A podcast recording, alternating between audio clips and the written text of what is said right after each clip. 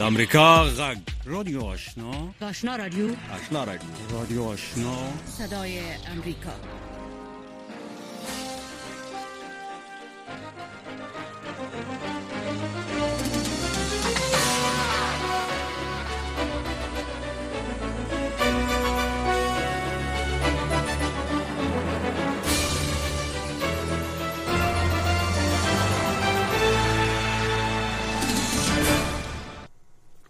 السلام علیکم درنو ریدونکو ستړي مشي په خیر راغلی. دا د امریکا غږ آشنا رادیو خبرونه ده. زه زیبا خادم او رویا جان زمانی. په دې یو ساعت کې د پروګرام قرباني یو او خوشاله یو چې تاسو د امریکا غږ آشنا رادیو خبرونه اورئ. درنو ریدونکو د طالبانو د واکمنۍ یو کال پوره شو. مګر خبره ده چې په دې یو کال کې د کوم ستونزو سره چې طالبان مخامخ دي پاغي ستونزو کې یو موضوع چې ډیره مهمه ده هم خپل د افغانستان ولسته او هم نړیوالو ته هغه د خزو حقوق او د بشري حقوقو مسله ده. نن موږ غواړو چې په همدې موضوع باندې وغږیږو رویا جان زمانی څنګه موضوع خام داده. بله؟ بله بله. با تقدیم سلام شنونده های محترم. بله طالبان و وضعیت زنان در طول یک سال گذشته را امروز در برنامه بحث می‌کنیم. ای در حال است که در اواخر دهه 90 میلادی برای اولین باری که طالبان قدرت در اختیار گرفتن اونا زنان به کلی اجامه و بسترهای اجتماعی حذف کردن دستورات و شرایط سختی را برای زنا وضع کردند که عبور از او محدودیت ها برای زنا مجازات بسیار سنگینی را در پی داشتن. همچنان ای که در ظرف ای سال گذشته و بر دوباره به قدرت رسیدن به قدرت رسیدن طالبان چی محدودیت ها و شرایط در افغانستان بر زنان در کدام شرایط اونا زندگی را سپری کردن. بحث است که در این برنامه با مهمانای برنامه صحبت می‌کنیم اما نخست از همه مشروع خبرها را تقدیم شنونده ها می‌کنیم. مننه تاسو نه درنوریدونکو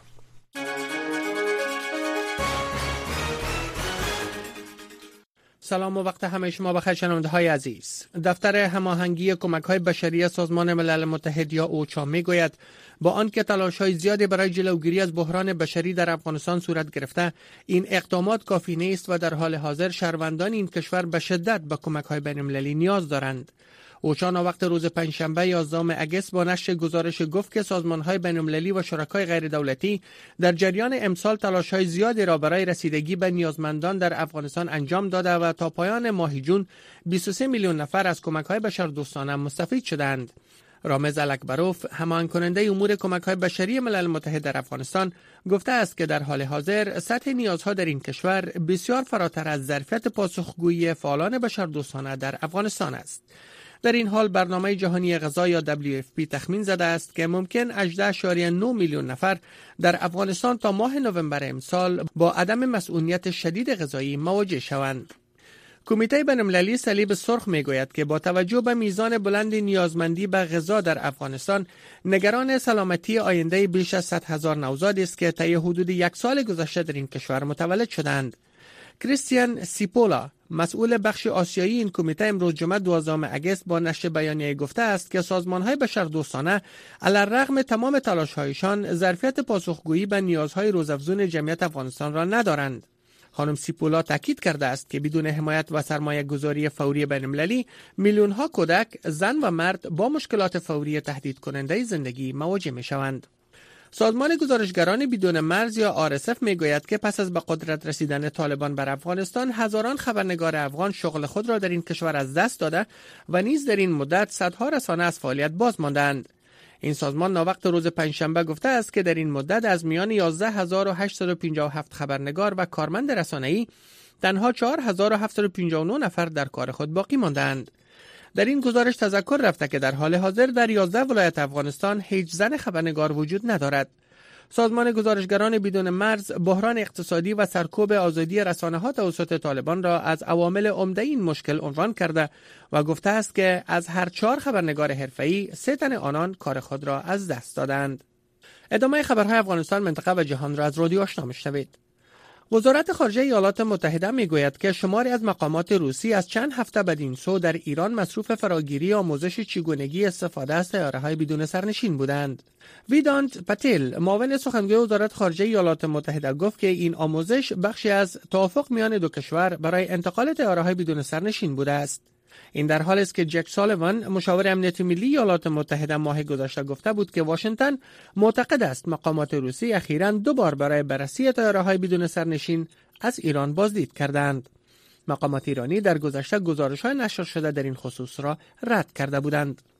ارنا خبرگزاری رسمی ایران امروز جمعه 12 اگست از قول یک دیپلمات ارشد آن کشور گزارش داد که پیشنهاد اتحادیه اروپا مبنی بر احیای توافق هسته‌ای ایران می تواند قابل قبول باشد مشروط بر این که اطمینان حاصل شود که به خواستهای عمده تهران رسیدگی می شود ارنا از قول یک دیپلمات ارشد که نامش در گزارش ذکر شود گزارش داده که تهران پیشنهاد اتحادیه اروپا را زیر بررسی دارد و در صورتی که در این پیشنهاد لغو تذیرات و ضمانت‌های اجرایی آن مد نظر گرفته شده باشد برای تهران قابل قبول خواهد بود.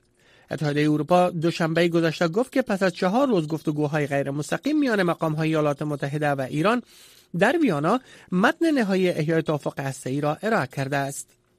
ولادیمیر زلنسکی رئیس جمهور اوکراین در سخنرانی روزانهاش در اواخر روز پنجشنبه گفت که گلوله‌باری دیگر توسط روسیه در اطراف دستگاه اتمی زاپوریژیا گزارش شده است. این دستگاه اتمی بزرگترین تأسیسات انرژی هسته‌ای اروپا می باشد.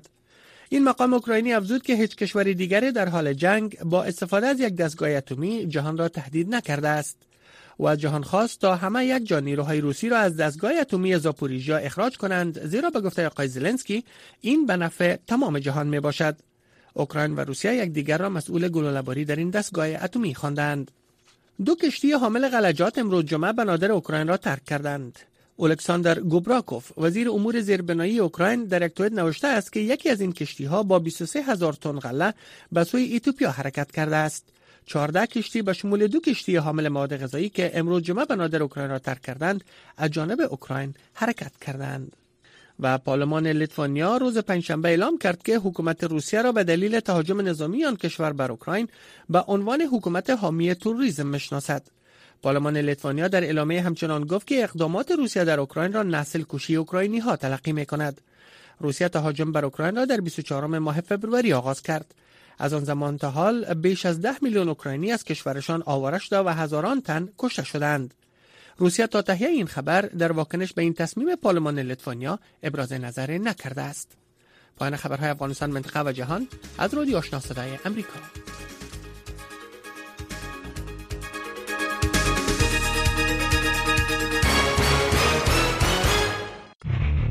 زیر تشتنه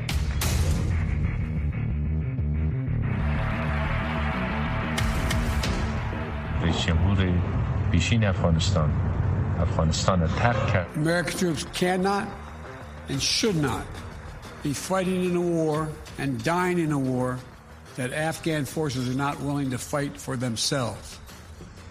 نو زه مجبورم له افغانستان وویستل شوم تر څو د خونریزۍ او د کابل د ویجاړېدو مخنیوی وشي افغانستان د طالبانو یو کلنه واکمنی په افغانستان کې د امنیت بشري حقوقو او مرمنو د ازادۍ حکومت ولای اقتصادي او بشري بحران مدني فعالیتونو او د بیان د ازادۍ څرنګوالي پر افغانستان د طالبانو یو کلنې واکمنۍ ته جوړه کتنه د امریکا غږ په ځانګړو خبرونو کې د روان کال د اگست لنه همې تر شپږ سمېنېټې پورې د ځانګړو پروګرامونو دا لړۍ د امریکا غږ د ټلویزیونی، رادیويي، سپوږمکۍ او ډیجیټل خبرونو لارې کتلای او اوریدلای شئ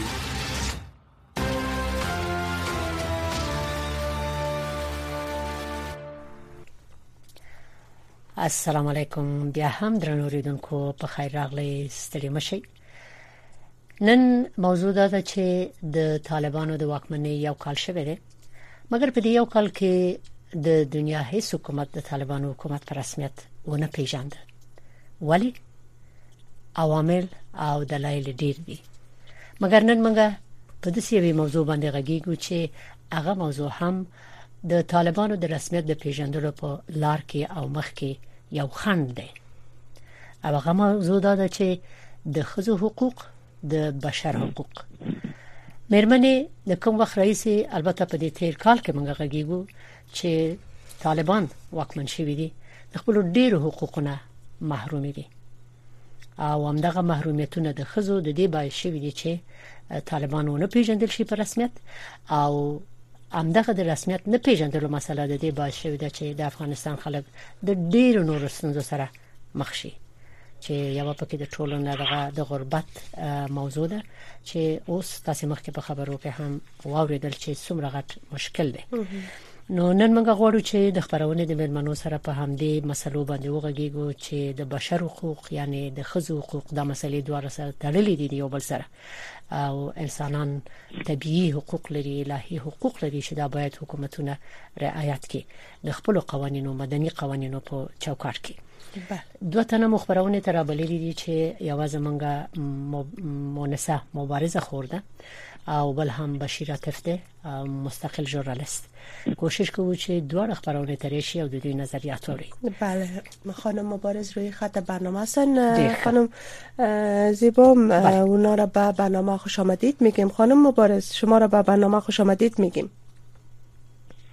ممنون شما. سلام بر شما بر همکار شما و بر میمان برنامه. و طریق شما و تمام مردم افغانستان و مردم جهان حرمت و حرارت تقدیم می‌کنم. مبارز خور په خیر راغلی ستړي مشخ خبرونه ته زموږ سلام احترامات ومنئ ممنون شما. سلامت باشید خانم مبارز ما برنامه را با شما آغاز می‌کنیم. در طول یک سال گذشته شما اوضاع یا وضعیت شرایط برای زنان افغان چگونه بررسی می‌کنین؟ چی گفته ها دارین ای در حال است که نصف بیشتر از نصف نفوس افغانستان که زنان تشکیل داده شده با مشکلات متعدد اونا در افغانستان در ظرف یک سال گذشته زندگی را به سر بردن. شما گفتنی هایتان در آغاز برنامه می‌خوایم بشنویم. یاد ټولو مهمه خبره مثلا مبارز خوري کتاسي هغه نقاط ته اشاره وکړي چې خود باندې تاثیر کړی دی. اول د دوی انساني حقوق. شوی دي غصب شوی دي بفرمایید. تشکر تشکر. ممنون شما. ممنون شما. بعد از بعد از حضور یک ساله گروه طالب و از حضور سیاه گروه طالب در افغانستان ما همه چیز از دست دادیم و چیزایی را به دست آوردیم از نوع منفیش از نوع خطرناک و از نوع خیلی ها جدی و متضرر مردم افغانستان. در یک سال ما حق انسانی حق شهروندی حق بشری مجموعه آزادی های فردی و مجموعه حقوق اساسی که انسان ها در مبنای معلفه انسانیشان از اون حق و امتیاز برخوردار هستند قطعا مردم افغانستان مشخصا زنای افغانستان محروم شدند شما می‌دانید دروازه های مکاتب بسته شد. زمینه های اشتغال محدود شد. زنان از ساختار سیاسی و اجتماعی حق شدند. کوشش اجباری بر زنان تحمیل شد. و تقریبا در, در بحث محدودیت و محرومیت خانمها به فرمان از رهبری نامعلوم گروه طالب صادر شد. فقر روز به روز افزایش پیدا کرد و ازدیاد فقر بیشترین قربانی را از زنای افغانستان گرفته و سبب ازدواج های اجباری فروش اطفال و فروش اعضای بدن همه و همه نمونه هایی هستند که ما در یک سال تحت حضور طالب در افغانستان این وضعیت و این روزگار تلخ را با تمام تلخامی ها و زشته تجربه کردیم. چیزایی را که بعدش آوردیم می‌خوایم تذکر بکنم. چیزایی که بعدش آمد افراطیت چیزایی که بعدش آمد انسان کشی نسل کشی اپارتاید جنسیتی و همچنان ناامنی قتل انسان ها در گوشه و اطراف اصناف افغانستان خلای قوانین و بحران مشروعیت داخلی و بین المللی و تعلیق آمدن تمام فن بین المللی و پروژه هایی که از طریق بانک جهانی و غیره دونرهای بزرگ فن میشه.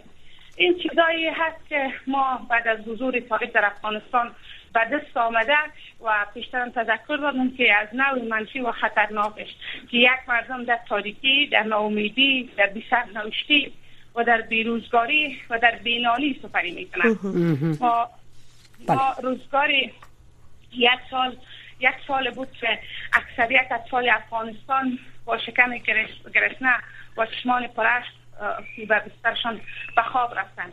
یک سال بود که زنها در جاده های شهرها مجازات شدند و پاهای زنها شلاق زده شد به دلیل از که جراب نپوشته بودن یا پتلون بلند پوشیده بودن یک سالی بود که ما از اکسیژن و هوای کابل استفاده کرده نتونستیم یک سال بود که در وطن خود بی وطن بودیم در خانه خود بی خانه شدیم در آدرس خود بی آدرس شدیم. این یک سال این گونه سپری شد خب. بسیار تشکر از شما مونس جان مبارز. حال سوال مهم است که شما نکات را اشاره کردین که زنا محروم هستند تحت سلطه طالبان محروم شدن. چی فکر می‌کنین؟ دهیس تقصیر عموما از طالباست و یا مثلا جامعه بین المللی دیگه مؤسسات خود اولس و بله. بعض دستای دیگه هم دیگه رول داره. بله دقیقا فاکتوری اصلی طالب است. ولی فاکتورهای مختلف و علتهای مختلفی است که مجموعا دست به هم دادن و یک وضعیت را ایجاد کردن. در علم سیاست معمولا برای ایجاد یک پدیده یک وضعیت چندین علت با هم دست میتن و به شکل زنجیره‌ای سبب ایجاد یک پدیده یا یک حالت میشن وضعیت افغانستان مسئول علت های مختلف است. ولی علت اصلی و بزرگ گروه طالب است. بله. اشتباه رابردی جامعه جانی در از آمریکا در افغانستان. و همچنان مداخلات کشورهای بیرونی وابستگی گروه طالب و کشورهای بیرونی. بله. و از لحاظ اقتصادی ما در یک وابستگی نامتقابل نامتقارن با دنیا و کشورهای همسایه و منطقه قرار داشتیم. این وابستگی ها سبب شد که از این وابستگی ها به گونه رم فشار کشورهای همسایه و جهان و منطقه علیه ما استفاده بکنند. پالیسی های غلط همی بود که جامعه جهانی در مبارزه با تروریسم در افغانستان صادق نبودند. یک روز به خط جنگ برای اردوی افغانستان تجهیز می‌دادند. روز دیگر از سیاره ها در کوه ها مواد تجهیزات دسانت می‌کردند. این بازی دوباره مشخص بود. اخیرا بازی خیلی ننگین آخر که در دوه قطر جریان داشت و اونجا معامله که بین آمریکا و طالب اتفاق افتاد. این اشتباه رابردی جامعه جهانی و آمریکا بود که طالب را یک تروریستی کوچک و یک کنشگر بین المللی و یک بازیگر سیاسی در جغرافی های افغانستان تبدیل کردن اینا بودن برای طالب پرستیش دادن قوت دادن. وگرنه طالب را در کنج میز مسافره در هیچ گوشه دنیای عنوان یک حزب کوچک سازمان کوچک که هیچ کس نمیشناخت. بنان روند تصمیم دهی افغانستان در دوحه شکل گرفت. هر سال طالب در افغانستان جنگ دواره موفق نشدن که در یک هفته دو سالی سقوط بتن ولی در دو هفته از چهار ولایت افغانستان سقوط کرد. نیروهای مسلح اجازه ندادن نیروهای مسلح جنگ کنند. تجهیزات از پیشان گرفته شد یا. تجهیز نشد نیروهای مسلح به خاطر از اینکه اردوی ما وابسته به کمک های جهانی بود.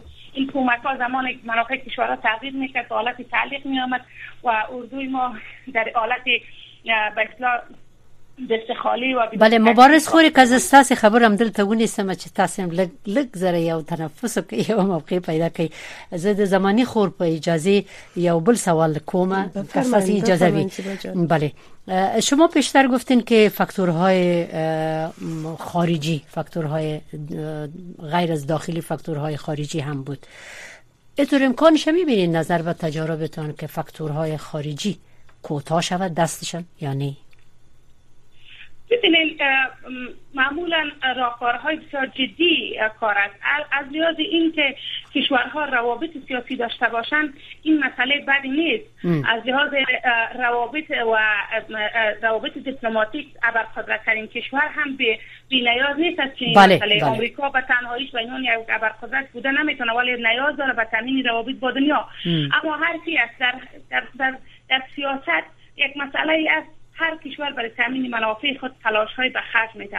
ولی کشور مورد مداخله قرار می‌گیره. او کشور خود خود تلاش می‌کنه که از فرصت های ایجاد شده چقدر به نفع کشور بر محور منافع ملیشان استفاده بکنن و چقدر بتانن از دسترازی های منفی کشورها جلوگیری بکنن. ما رفتفانه پیشتر ما در بحث فاکتورا نیامدم سر بحث از که رهبرای سیاسی ما چقدر مشکل داشتن. بله. مقامات ما چقدر مشکل داشتن. مقامات قدرت متمرکز در عرض.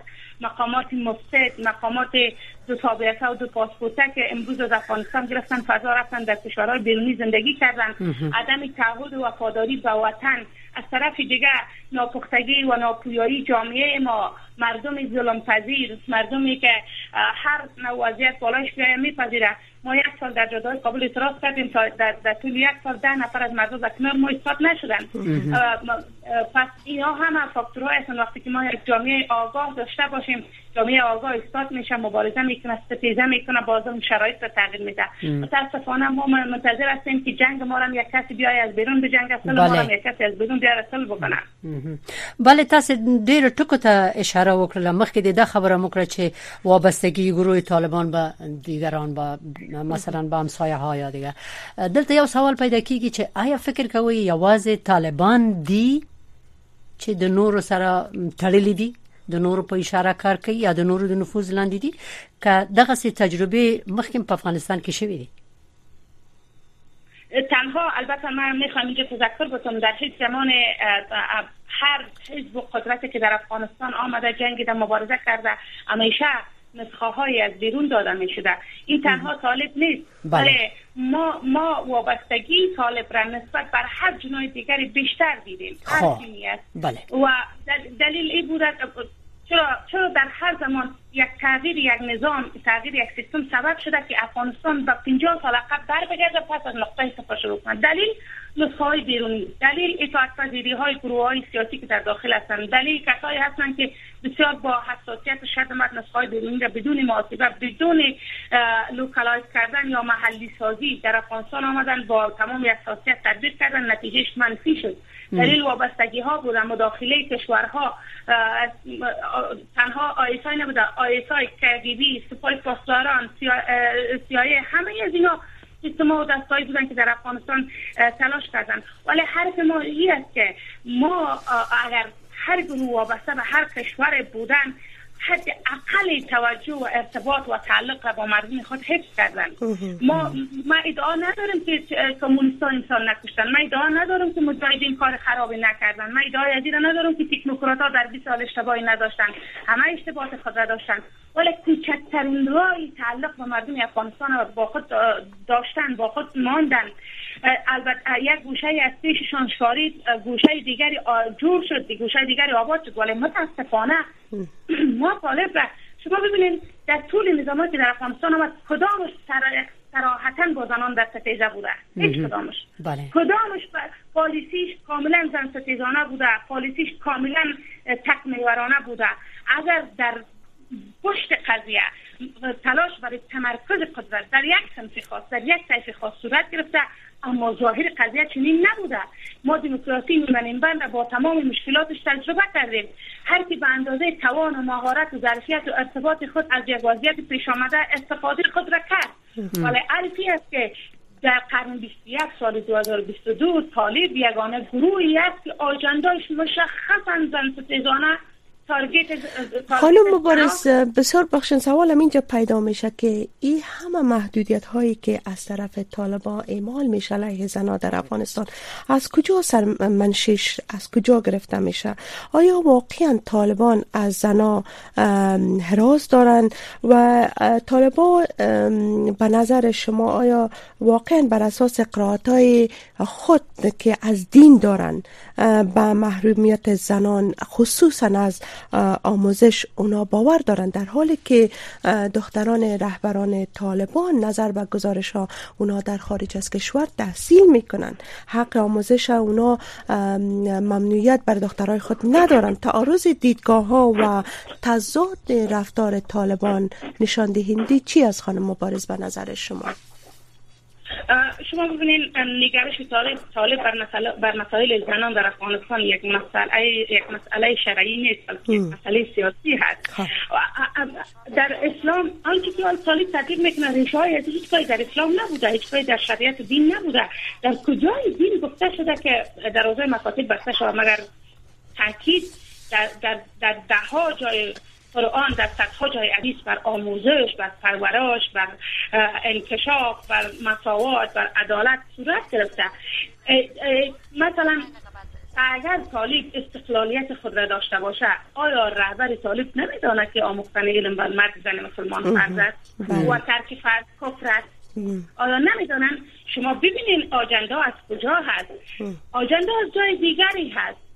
این دستور بسته ماندن دروازه های مکاتب از پاکستان گرفته میشه. سازمان کنفرانس کشورهای اسلامی در پاکستان تشکیل جلسه دادن در میزبانی پاکستان. در اخیر فیصله کردن قطعنامه صادر می‌کنیم که بلادرن گروه طالب باید مکاتب دخترانه را باز بسازند ولی این پاکستان بود که مداخله کرد و اجازه نداد این قطعنامه صادر شود. و در آخر اون کنفرانس اظهارات امرو خان یاد ما و شما هست که مسئله بسته شدن دروازه مکاتب بحث فرهنگی در افغانستان بله بله. پس, پس ما از یاد ما باشه فراموش نکنیم یک افغانستان قوی یک افغانستان قدرتمند یک افغانستان آرام و باطل ثبات خنجری بر پشت پاکستان است که ابدا پاکستانی را اجازه نمیده بنابراین این بس این فرمان ها این محدودیت ها بالای زنان از آدرس پاکستان صادر میشه. ما در طول 20 سال خیلی ها از زنای پاکستان از مبارز خوری؟ از پاکستان پیشین گرفته بود ډیر معذرت غواړم د افغانستان د گاونډیانو د مداخلو خبرې هر وخت کیږي یعنی یو گاونډی نه دی د لرو ملکونو د نړیوالو د مداخلو خبرې هم کیږي د افغانستان په تاریخ کې په دې تیر یو کال کې چې موږ غږیږو که زیاتره رپورټونو کې د راځي چې د طالبانو په کارونو کې زیاته مداخله د پاکستان ده مګر افغانستان یو بل گاونډي هم لري هغه ایران دی. ولی د پاکستان مداخله زیاته ده؟ ولی پاکستان ډیری ګوتې وهي ایران ته؟ د ایران کلتوري نفوذ په دې تیر یو کال کې چې بلکې د اشرف غنی د حکومت لخوا او د ډیر وخت رئیس د راپورټونو راځي چې کلتوري نفوذ ډیر دی په افغانستان کې. مګر هم د خواته سیاسي نفوذ کې هم ډیر خبرې دي.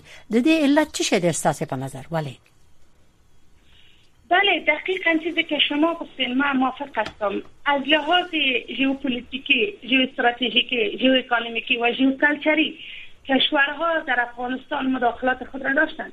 تنها پاکستان نبوده. بله. ایران مسکو چین اینا همه کشورهایی بودند که در مقاطع مختلف زمان در افغانستان مداخله کردن و تا الحالم هند بله. حالم این مداخله جریان داره بله. بله. حرفی است که چرا ما خیلی گلمندی خود از پاکستان داریم حرفی است که ما چرا با وضاحت مردم افغانستان همیشه در هر قوم در هر سطح در هر سمتی که بری پاکستان ده به دلیل اینکه پاکستان آدرس هست که از آجندای تمام کشورهای قدرتمند از آدرس پاکستان در افغانستان تطبیق میشه چون پاکستان منابع پاکستان اردوی پاکستان قوت نیروی پاکستان از آدرس تطبیق پروژه هایی که در افغانستان دارن در منطقه دارن تامین میشه.